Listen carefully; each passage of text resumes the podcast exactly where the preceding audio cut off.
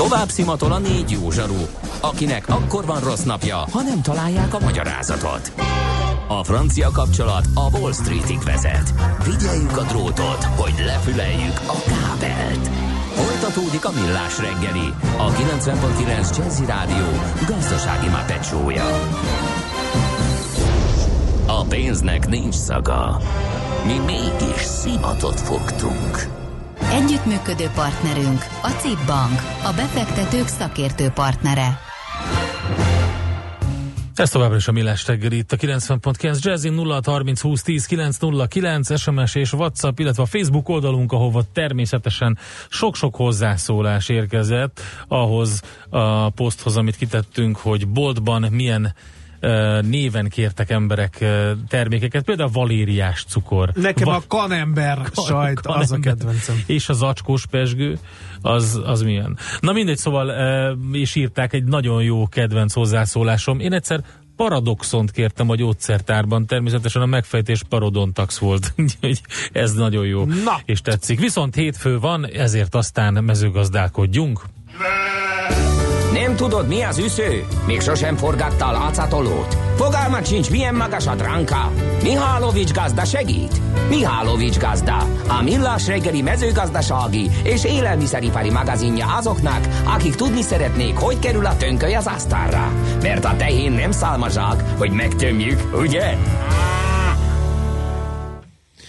No kérem szépen, hát uh, annak idején gyermekkorunkban a család meghatározó tevékenysége volt összel, hogy megvegye a burgonyát, amit aztán a nagymama pincéjében homok ágyon uh, kellett uh, tartani. Emberek jártak csoffa, tifa, teherautókkal körbe a faluba, hogy van burgonya eladó.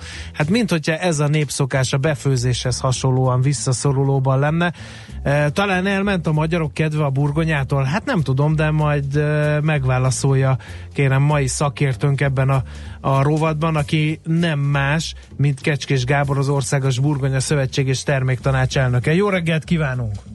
Jó reggelt kívánok, köszöntök mindenkit, aki Hogy áll a rádiót hallgat. burgonya fogyasztás tekintetében? Hát ez régen a magyaroknak a kenyere volt nagyjából, mindenki rengeteg burgonyát fogyasztott. Igen, valóban, hát ugye ez is, mint minden a világon, ez a burgonya fogyasztási szokás is nagyban átalakulóban van, nem csak Magyarországon, hanem Nyugat-Európában, és mivel hogy mi az Európai Uniónak a része vagyunk, hasonlóan változnak nálunk is a fogyasztási szokások és a burgonya fogyasztási szokás is, mint Nyugat-Európában. Ezeket a trendeket láthatjuk, ahogy hallhattuk a bevezetőbe is, hogy megváltozott egyáltalán a burgonyának a, a mindennapi tárolása, és ez annak köszönhető, hogy megváltoznak a főzési, fogyasztási szokások is. Uh-huh. Kevesebbet tesz, összességében kevesebb az egyfőre jutó fogyasztás, mint régebben volt?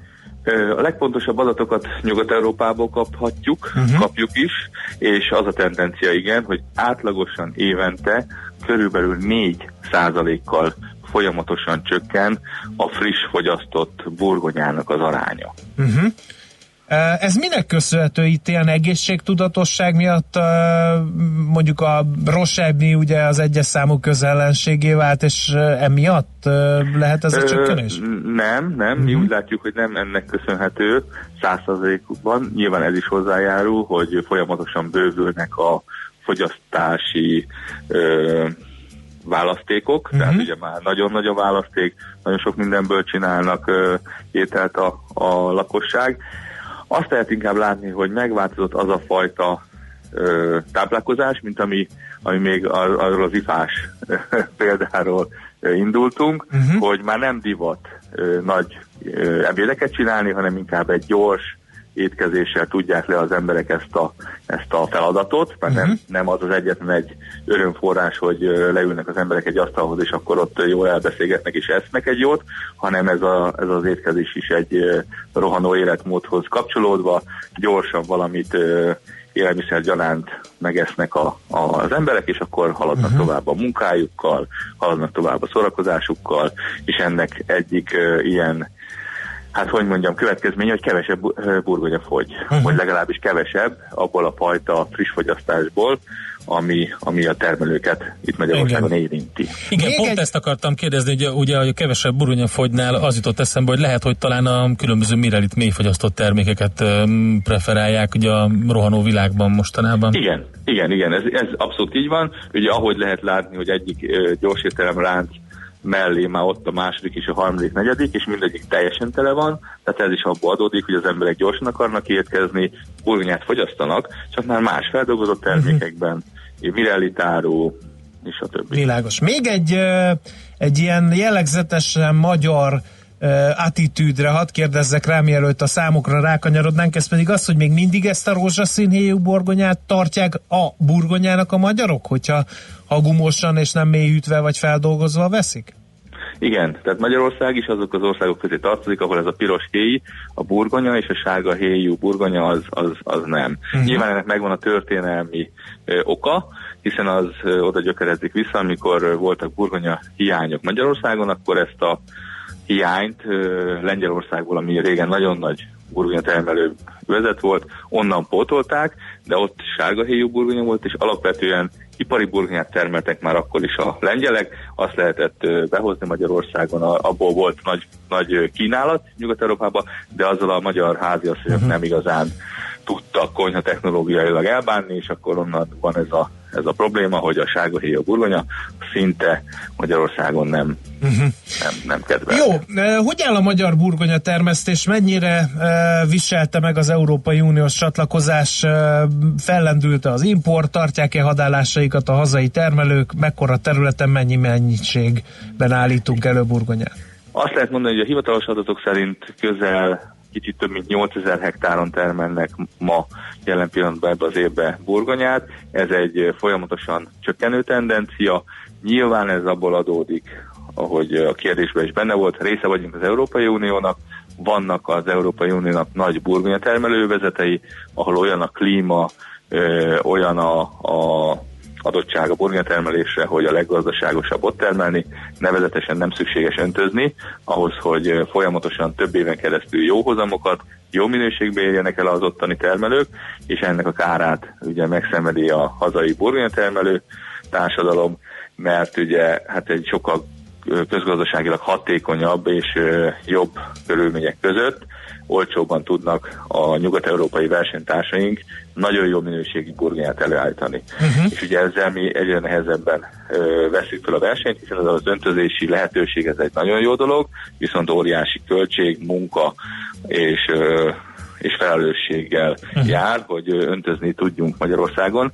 Ez az idei évben talán egy kicsit még jobban kidomborodik, hiszen szélsőséges időjárás volt, nem csak Magyarországon, hanem az egész Európai Unióban egy nagyon száraz periódus volt, most is lehet látni, hogy szinte egy hónapja az ősz folyamán szintén nem esett eső, és hát jól lecsökkentek a, a hozamok, főleg Nyugat-Európában, ahol a nagy burgonyavezet uh-huh. van. Uh-huh. A kérdés az az, hogy a klímaváltozással kapcsolatban beszéltünk már ebben a rovatban is arról, hogy a cukorrépa, mint olyan, hát veszélyezteti a hazai termelést az uniós szabályozás átalakulása és a klímaváltozás jelesül, csak ugye támogatással lehet jövedelmezően cukorrépát termeszteni Magyarországon egyszerűen azért, mert a klíma nem megfelelő neki. A, a burgonyát az veszélyezteti a klímaváltozást? Tehát itt is lehet, hogy ilyen marginális szintre szorul vissza a hazai termelés, vagy azért itt jobbak a kilátások? Én azt gondolom, hogy nem. Itt is marginális a, a kérdés, hiszen szinte kizárólag csak öntözéssel lehet étkezési burgonyát elmenni Magyarországon, ami még egyszer mondom nagyon költséges. Uh-huh. Tehát az egy nem egy ö, olyan adottság, ami nagyon jó, hogy nekünk van, másnak nincs, ezért nagyon komoly befektetés szükséges, nagyon komoly engedélyezési eljárások vannak, illetve nagyon komoly élőmunkaigényes. Tehát ö, összességében nagyon nagy költségigényű, viszont cserébe magasabb hozamokat nem tudunk elérni, mint a nagyon ideális, kiegyenlített klímájú, nyugat-európai versenytársaink, ahol el kell mhm. mondani, hogy a burgonya termesztésnek dolgonak 90%-a zajlik, nem véletlenül uh-huh, uh-huh. az uniós. Igen, most uh, sokszor elhangzott, hogy az idei év nem volt túl szerencsés a hazai burgonya termelés szempontjából. Ez azt jelenti, hogy áremelkedés is lehet? Hát nem, hogy lehet, hanem van. Már van. Tehát Mhm. ez már tények. Nem csak a burgonyát érinti, hogyha a fogyasztók megnézik a, a zöldséggyümölcs polcokat, azért látják, hogy bizony a sárgalépa is nagyon magas áron van a tavalyi árhoz képest, illetve a hagyma, petrezselyem szintén. Nyilván ez a növény is, a burgonya és a földbeterem ugyanazokon a körülmények között, mint az említett zöldségfélék, és ennek megfelelően egy magasabb árszinten kaphatja meg a fogyasztó az idei évben. Uh-huh. Mi a helyzet a háztáji burgonya termesztéssel? Nem lehetett úgy falu járni a gyerekkoromban, hogy ne lett volna derék burgonya föld a, a ház végébe. Ez is visszaszorul? Ezt most, hogyha nyitott szemmel járul, aki akkor látja, hogy felváltotta a pázsit, ugyan még nem Meg a térkő. vannak, a térkő, illetve a medencék. Tehát Igen. hogy, tehát, hogy most már a fogyasztó olyan jó helyzetben van, szinte heti hét nap nyitva vannak a boltok, bemegy, és minden nap vásárolhat akár többféle felhasználási típus szerint csomagolt, kis kiszerelésű, mosott, ellenőrzött minőségű, jó minőségű burgonyát Uh-huh. nyilván nem akar a, a sok, sok vidéken élő ember se azzal bíbelődni, hogy ő most burgonyát termel, hiszen neki is megváltozott a körülmény, neki is ahhoz, hogy legyen alatta a burgonya termő mennyisége, öntözni kell, komolyabb odafigyelést igényel, és akkor legtöbb esetben inkább az egyszerű megoldást válasszák még a falusi emberek is, hogy elmennek a boltba, és ott mindig megveszik, amire szükségük van. Hát sok mezőgazdaság ágazat képviselőjével beszélgettünk, már nem mindig irigyeltük őket, de a burgonyásokat azért most a lehető legkevésbé irigyeljük, nem egy könnyű kenyérkereset, ez ezt ma szavaiból lehetett érezni. Hát igen, viszont ezt mi választottuk, mi gondoltuk úgy, hogy ezzel érdemes foglalkozni, és amíg úgy látjuk, hogy ezt nekünk érdemes csinálni, addig biztos az összes burgonya termelő is burgonyával fog foglalkozni. Hát megnyugtató a hajuk, és akkor erőt kívánunk a munkájukhoz. Köszönjük szépen, és további jó műsorvezetést és szép napot kívánok. Köszönjük szépen, minden jót kívánunk, Kérem. viszont hallásra. Viszont hallásra. No, hát a burgonya és krumpli az ugyanazt jelenti, mindegyik PC, mert a hallgató megkérdezi, hogy a krumpli nem PC, csak a burgonya. Mindegyik PC, Mindegyik. PC. Kecskés Gáborral Gáborral beszélgettünk, igen. így van, ő az Országos Burgonya Szövetség és Terméktanács elnöke. Mihálovics gazda most felpattant egy kultivátorra, utána néz a kocaforgónak, de a jövő héten megint segít tapintással meghatározni, hány mikron a gyapjú. Hoci a pipát meg a bőrcsizmát. Most már aztán gazdálkodjunk a rézangyala.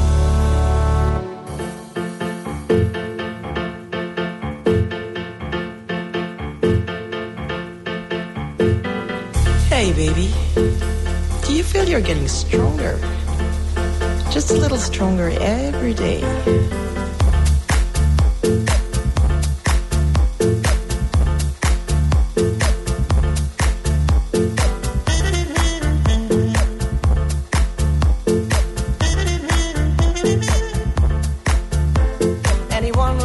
Mystery of the daylight and the dark will go to sleep with the moonlight and rise up with the lark. Anyone who sees the sunshine through the raptures of the wall will break out from the cage and run and run till he will fall.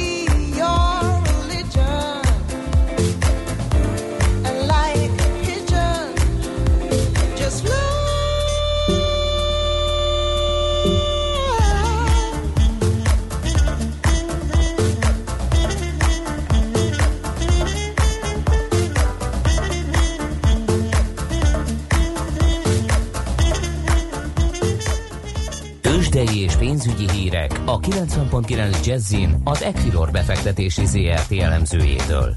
Equilor, a befektetések szakértője 1990 óta. A vonalban itt van velünk Kovács Bálint helyettes vezető elemző, szervusz! Jó reggelt kívánok én, sziasztok! Mi a helyzet a budapesti értéktősdén, hogy állunk? Hát egyelőre nem hasítunk, leginkább uh-huh. stagnálunk. Minimális elmozdulást mutat az index, ma reggel 35.913 ponton vagyunk. Forgalom viszont egész erős, több mint 800 millió forint. Na, Azért ennek, igen, ennek, ennek már lehet örülni. igen, már, már karcolgatjuk az egy milliárdot. Igen, igen, úgyhogy remélem, hogy kitart ez a lendület napközben is. A legforgalmasabb papírunk ma reggel is az OTP, uh-huh. jelenleg minimális 30 forintos emelkedést mutat 10 10.140 forinton el. MOL a második legforgalmasabb, itt 3016 forintos árfolyamat látunk, ez 6 forintos mínusznak feleltethető meg, de egyelőre addig igencsak kedvező a technikai kép, amíg ez a 3000 forintos szint nem kerül letölésre. Nem úgy a Magyar Telekom továbbra sem tud az árfolyam visszakúszni 400 forint felé. 397 forintnál állunk, ami jelenleg 3 forintos mínusznak feleltethető meg. Igaz, hogy a pénteki zárás 400 forinton történt, de egyelőre nincs megerősítés azzal kapcsolatban, hogy hogy a Telekom visszatérne ide, én továbbra is inkább lefelé várnám. A Richter esetében 5185 forintos árfolyamat látunk, tehát ma reggel is csökken a Richter eh, részvény árfolyama, 30 forintos mínuszban állunk ma reggel, és ezzel viszont a Richter eh, em, nek a technikai képe egyre kevésbé tűnik kedvezőnek, ugye sikerült 5400 forintról visszacsorognunk, több mint 200 forintos mínuszban, úgyhogy egyelőre nem látszik a Richternél határozott irány, jelenleg támaszszintkeresés zajlik, 5165-70 forint környékében találhat az árfolyam legközelebb támaszt. Na, jó, akkor ezek szerint azért mégiscsak egy kis pozitívumot lehet látni, legalábbis felcsillan a remény, és nem az a negatív hangulat uralkodik azért, mint, mint pénteken a világpiacokon. Így van, a magyar piacsal kapcsolatban azért összességében nem vagyunk pessimisták, ugyanakkor látszik az, hogy az OTP esetében azért továbbra is leginkább az iránykeresés lehet meghatározó. A Richternél láttunk a múlt héten, illetve az előző hét elején egy, egyfajta pozitív folyamatot, ami ugyan elakad, de, de azért um, még látszik arra esély, hogy, hogy újra neki fusson a Richter az 5300-5400 forintos zónának. Egyedül a Magyar Telekom a világ kapcsolatban pessimistább vagyok, a MOL pedig egyelőre tartja magát 3000 forint fölött, tehát ahogy említetted, nincs egyelőre világvége hangulat, ugyan Európában azért leinkább mínuszokat láthatunk, igaz mérsékelt gyengüléssel indult a heti kereskedés. Az Egyesült Államokban pedig a kötvénypiacok vannak zárva Kolumbusz napja miatt. Oh. Részvényekkel lehet kereskedni. Stimmel, stimmel. Oké, okay, jó, köszönjük szépen Bálint, akkor jó munkát nektek. Nézzük azt az egy milliárdot. Igen, várjuk, hát hamarosan remélem meg lesz. Köszönöm szépen, szép napot mindenkinek, sziasztok! Szervusz. Kovács Bálint helyettes vezető elemző számolt be a Budapest értéktősde első bő fél órájáról. Tőzsdei és pénzügyi híreket hallottak a 90.9 Jazzin az Equilor befektetési ZRT elemzőjétől. Equilor, a befektetések szakértője 1990 óta. Műsorunkban termék megjelenítést hallhattak. A 90.9 Jazzy garázsába vasárnap reggel 8-kor két órára beparkolunk a legújabb automodellekkel. Tesztelünk, elemzünk és véleményezünk. Emellett szakértőkkel, tanácsokkal, tippekkel segítünk minden autósnak. Jazzy Street. Jazzy Street. Forduljon a 90.9 Jazzy autós műsora után. Érdemes. Minden vasárnap reggel 8-tól a sofőr Bögös Sándor. Rövid hírek a 90.9 Jazzin. Budapestre látogat ma a török elnök, ezért ma is holnap számos, elsősorban belvárosi főútvonalon kell időszakos korlátozásra számítani, több közösségi közlekedési járat rövidített vagy módosított útvonalon közlekedik. A BKK ezért azt kéri, hogy aki teheti lehetőség szerint használja a kötött pályás közösségi közlekedési vonalakat, főképp a 2-es, 3-as vagy 4-es metrót. Késő délutánig lezárták a Kossuth Lajos teret és közvetlen környékét, a téren a 2-es metró sem áll meg, Kedden délután 6-ig lezárták a Lánchidat és a Széchenyi István teret. Az ideiglenes forgalomkorlátozások a főváros több kerületét is érintik, sok helyen tilos megállni. Több órás forgalomkorlátozás lesz ma az M3-ason is. A halász aranyosi pihenőnél mint két irányban geofizikai méréseket végeznek, ezért a 76-os kilométernél reggel 8 és délután 4 óra között a forgalom mindkét irányban egy-egy sávra szűkül és 60 km per órás sebességkorlátozásra is számítani kell. Augusztus közepétől módosultak a Liszt Ferenc nemzetközi repülőtér felszállási irányai. Így naponta több száz gép repül át a 10. és a 18. kerület eddig csendes részei felett. A világgazdaság azt írja, a repülők szinte a házak között haladnak el, talásúrolják is a fák tetejét, az autóriasztók pedig megszólalnak. A felszállási irányokat érintő változás a kerületben különösen az Óhegy Park, az Újhegyi lakótelep, a Bajcsi Zsilinszki kórház és a városközpont területi egységeket érinti. Végrehajtást indított hosszú Katinka cége ellen a NAV. Az Enfor.hu azt írja, az eljárás elindításának oka nem derül ki a papírokból, de általában az adókötelezettségek teljesítésének elmaradása, a határidő elmulasztása miatt kerül sor a végrehajtás elrendelésére. Hosszú Katinka nem egyedüli érdekelt a cégben, a társa volt férje és edzője, aki a mai napig tulajdonos a vállalkozásban.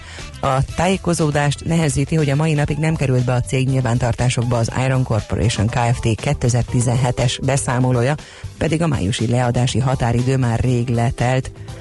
Azonnali hatállyal lemondott az Interpol elnöke Meng Hongwei-t a hazájában, Kínában törvénysértéssel vádolták meg, és napokkal ezelőtt nyomtalanul eltűnt. A férfiről egy hete nem tudta maga az Interpol sem, hogy hol van, mi történt vele, miután elutazott Kínába. Kína csak tegnap este közölte, hogy letartóztatták a nemzetközi rendőrség elnökét. A szervezet irányítását ideiglenesen a dél-koreai Kim Jong-yang eddigi alelnök veszi át, és a szervezet új elnökét a november 18-21-én Dubájban tartandó tanácskozáson választják majd meg. Napos időszakokra ma mindenhol számíthatunk, délután már csak a Dunántúl déli fené lehet egy-egy rövid ideig tartó zápor, olykor megélénkülhet a szél, 20-25 fokot mérhetünk.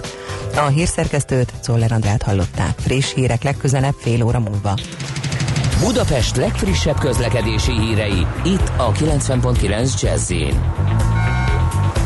a fővárosban erős forgalomra kell számítani a Szerémi úton és a Budafoki úton befelé, a Nagyszőlős utca Bocskai út útvonalon a Fehérvári útig, a Soroksári úton befelé, a Könyves Kálmán körúton a Rákóczi híd irányában, sokan vannak a Hungária körúton és a Kerepesi út előtt, a Zuglói bevezető utakon, a Tököli út Rákóczi út útvonalon a Dózsa György úttól befelé, illetve a Hősök tere környékén. Egybefüggő a kocsisor a Budai alsórakparton a Margit hídtól délfelé, a Pesti alsórakparton a Szent István park vonalától délfelé, a Szélkámán térre vezető utakon, a Hűvösvölgyi úton befelé, és a Váci úton is az Árpád úttól befelé.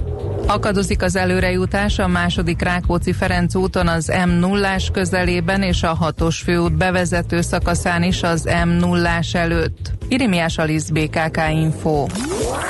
A hírek után már is folytatódik a millás reggeli, itt a 90.9 jazz Következő műsorunkban termék megjelenítést hallhatnak. After you've gone and left me crying after you've gone. There's no denying someday when you grow lonely, your heart will break like mine, for you want me only. After you've gone, after you've gone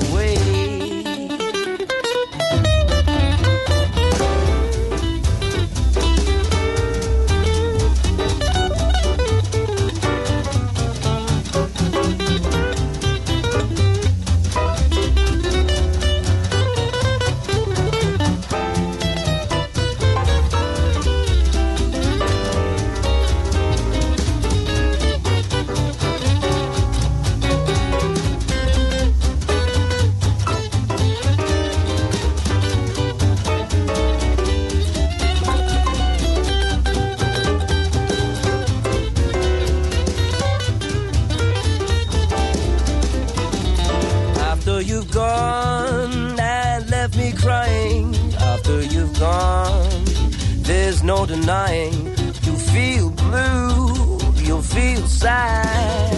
You miss the dearest pal that you've ever had.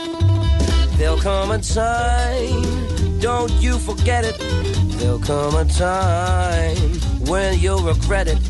Someday when you'll grow lonely, your heart will break like mine, for you want me only.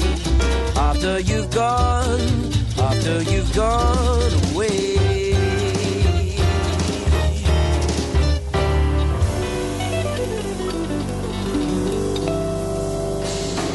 Volt már olyan érzésed, hogy megtaláltad a választ? Aha, aha, aha. Heuréka élmény.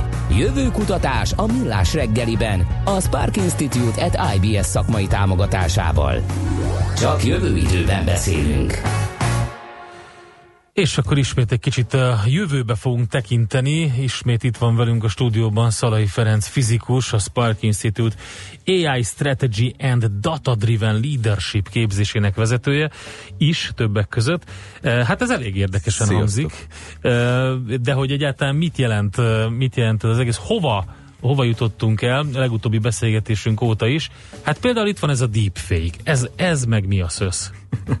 Sziasztok! Igen, hát a, az új típusú mesterséges intelligencia, illetve gépi tanulási eszközökkel korábban ugye főleg hangot lehetett nagyon jól szimulálni, ugye az, a, volt az, hogy felolvasott a gép emberi hangon, ugye beszédszintézisnek hívják ezt a dolgot, uh-huh. ebben is az utóbbi időben óriási erő, erről elépést lehetett megfigyelni a Google-nek következtében. Te, teljes mértékben, hát ugye már, már a gyerekemet nem tudom a, a, a Translate appról leszoktatni, óriási, nagyon szereti, mostanában azt csinálja, hogy beírkál mindenfélét, hogy kínaiul vagy oroszul, hogy mondják, és azon röhögnek. Kínaiul jobban beszél, tehát a felmérések szerint kínaiul ez a, ez a beszédszintézis az jobban működik, mint angolul.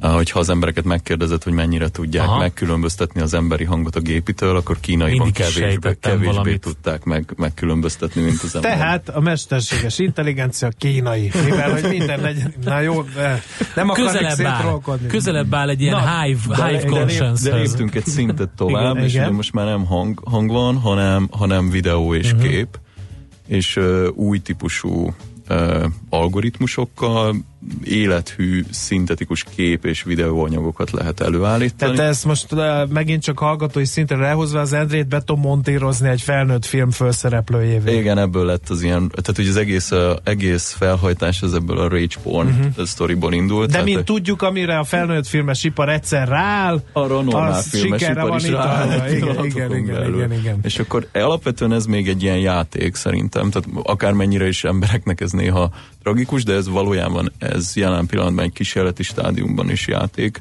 szinten jelenik meg, de maga a lehetőség az egészen új perspektívákat hoz, főleg egyébként a um, szórakoztatóiparban, játékiparban. Tehát nem lesz szükség színészekre?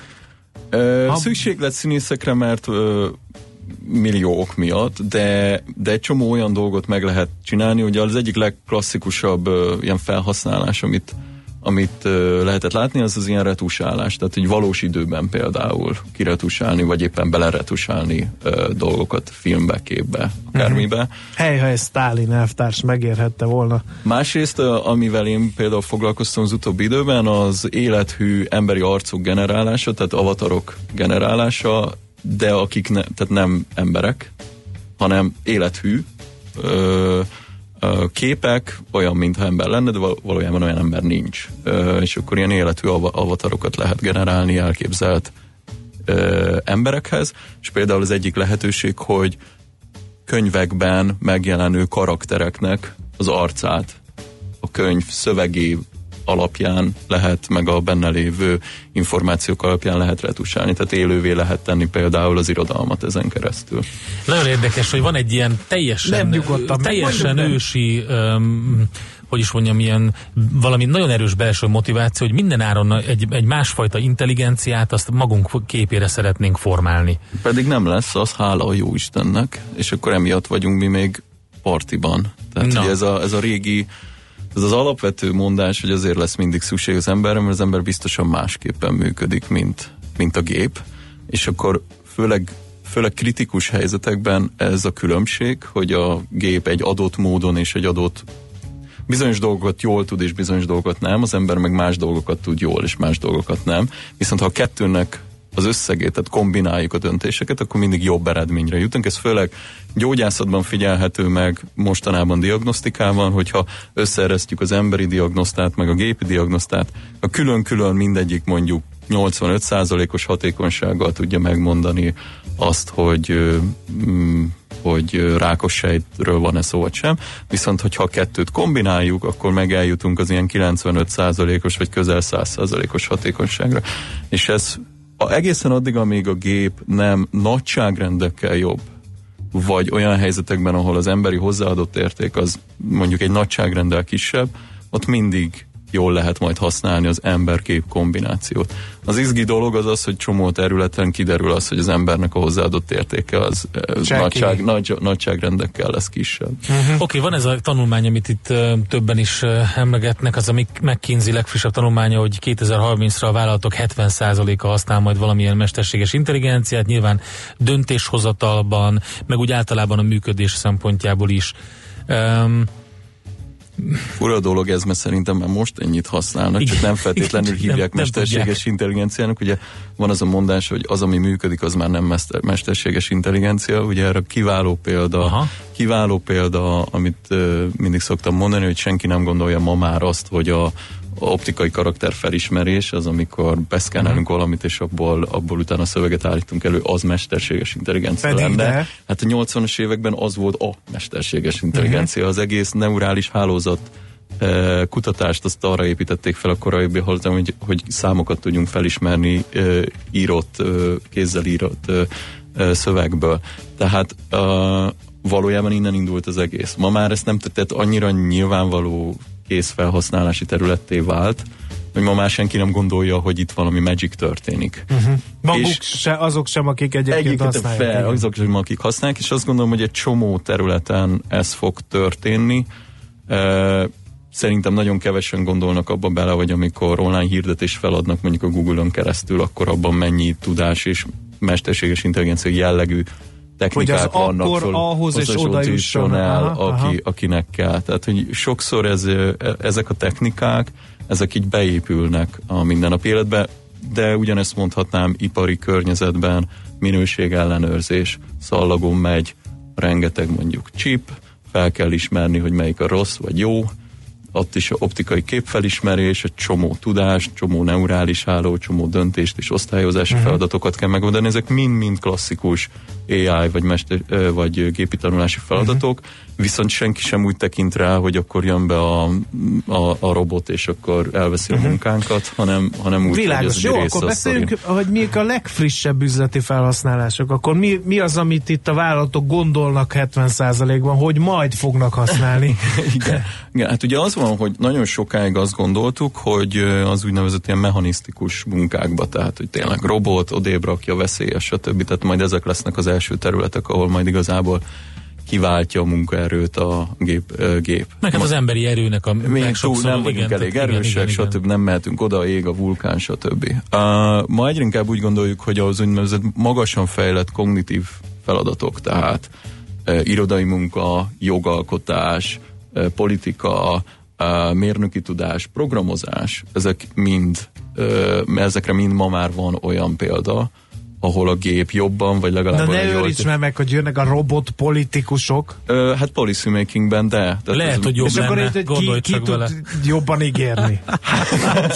hát nem, nem feltétlen. Ugye az ki tud az érzelmekre appellálva farccal menőbbeket mondani? Hát praktikusan igen, de hogy alapvetően a politikai munkának azért a jelentős rész az jogalkotás, és a jogalkotási munkában egy csomó olyan szempontot kell figyelembe venni, hogy mondjuk a jogrendszernek a a, a belső konzisztenciája milyen, ez például egy gép sokkal jobban tudja elemezni, mint egy ember általában. Na jó, de most a, a jogalkotás szó az, amikor kitalálsz valami szabályt, az meg sokszor emóciókon nyugszik, vagy reagál a világnak egy olyan változására, ami nem tetszik az adott társadalomnak. Ezek meg megint csak érzelmek. Igen, nem, hogy... nem ezt a fajta jogalkotást gondolom. De, de akár ezt is, mert hogy ugye ezek is általában valamilyen adaton alapulnak, tehát hogy azok maguktól nem keletkeznek ezek az emóciók, ezek általában vagy valamilyen gazdasági, vagy valamilyen politikai, vagy, vagy egy társadalmi folyamatnak a körött következménye, ezeket meg egyébként sokszor lehet látni. Hát ez mérhető. Számokban, Ugye szám- ilyenkor számokban. szoktak kördiagramokkal. Jó, hogy eljutottál a politikáig, mert a deepfake-et ezt még mindig nem fejtettük meg, és ugye a kettőnek van köze egymáshoz, hiszen magát ezt a fake news,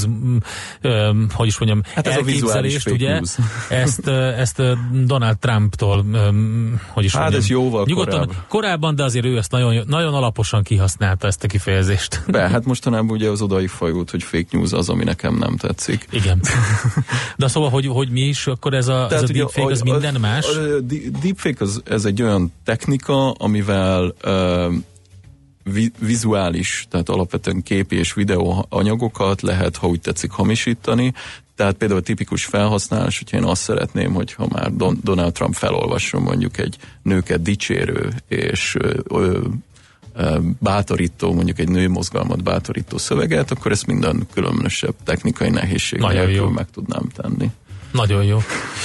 és hihetően. De mondjuk a kedvenc sztorim az az, hogy mondjuk egy olyan videó, amiben, amiben egy ilyen technika rávetíti az egyébként teljesen analfabéta táncosra mondjuk egy, egy, egy, Igen. egy, egy rapper vagy egy, vagy egy balettáncosnak a mozgását, és teljesen hihetővé válik az a mozgásforma, miközben nyilvánvalóan nem tud táncolni az az illető, akire ez rá lett vetítve, és ez valós időben történik, tehát hogy lemegy az egyik videó, De ez és valós veszélyesnek hangzik, nem? Hiszen most jön az, hogy ne higgy a szemednek se. Hát mi eddig hittél?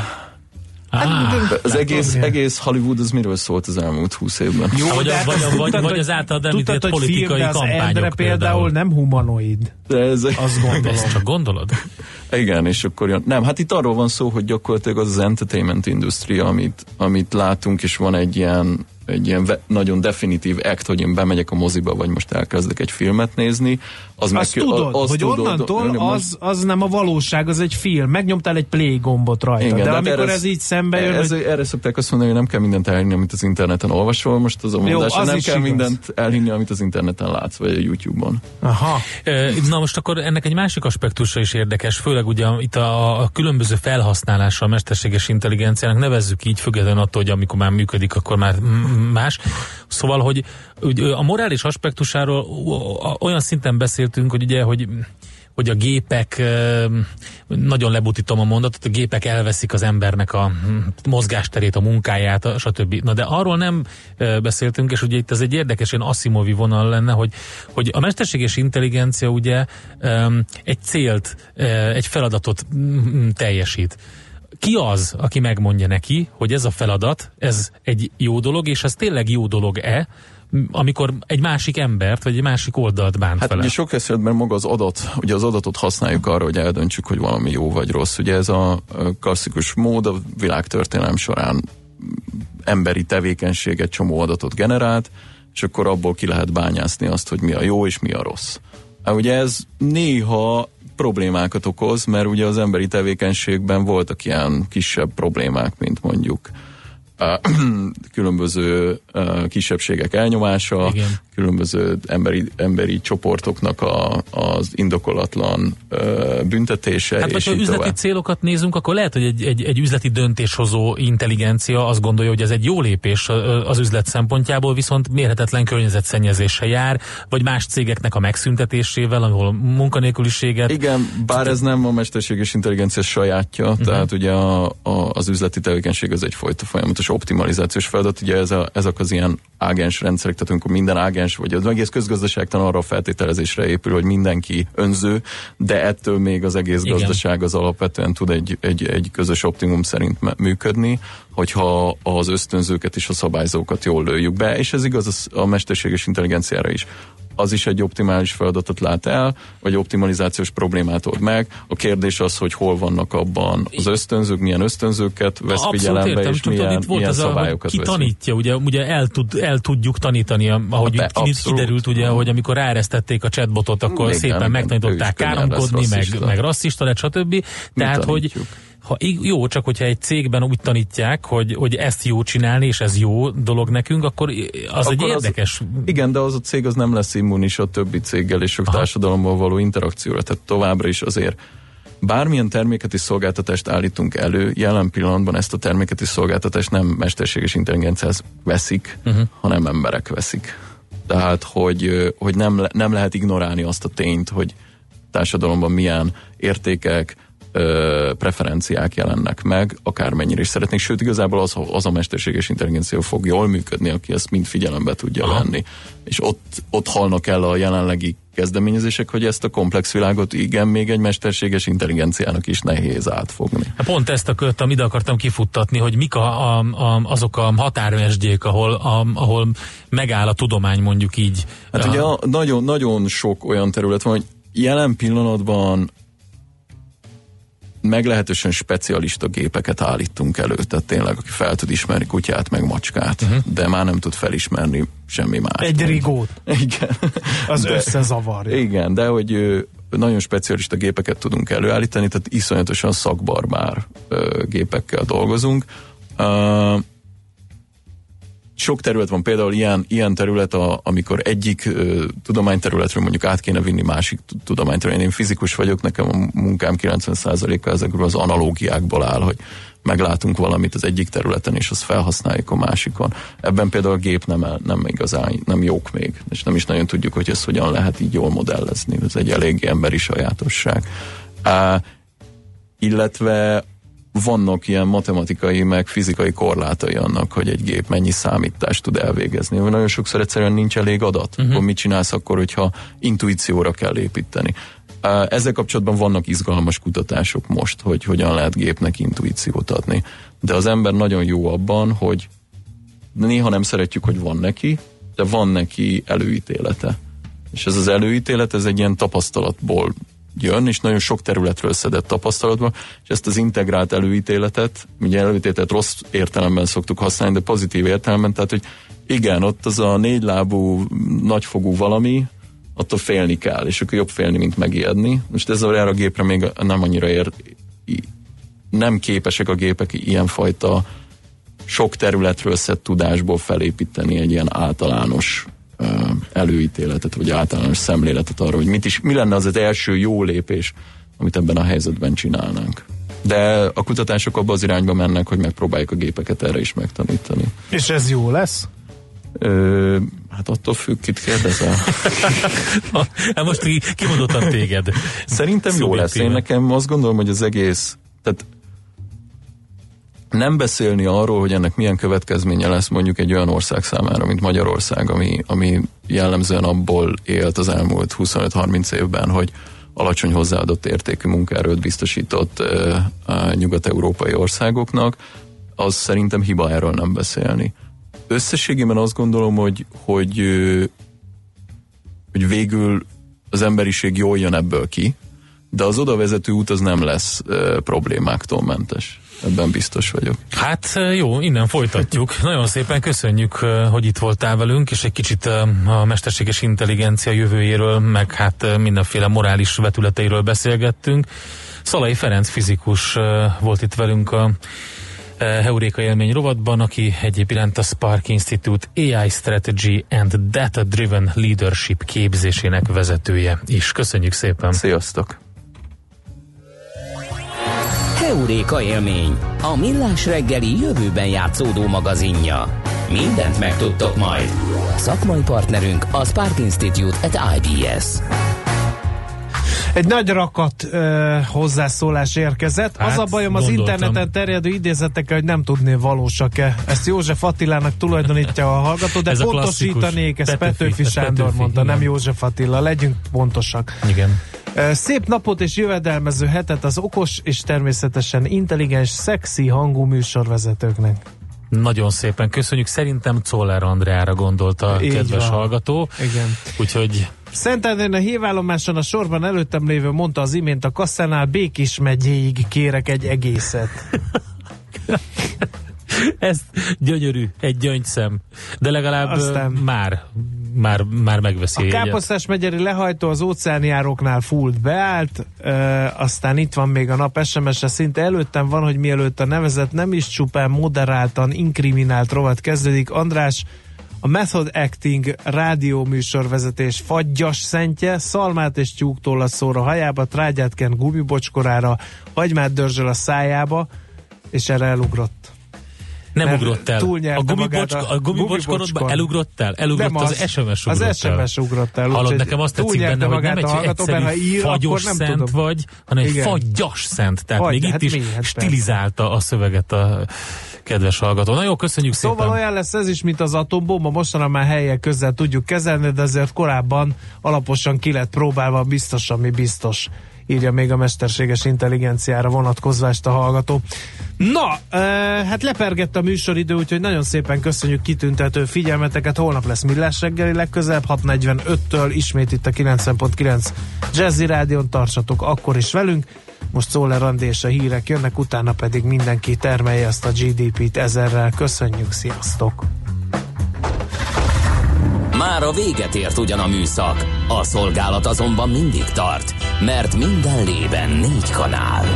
Holnap reggel újra megtöltjük a kávés bögréket, beleharapunk a fánkba és kinyitjuk az aktákat. Addig is, keressetek minket az arcaktákban, a közösségi oldalunkon. A mai adás podcastjét pedig holnapunkon.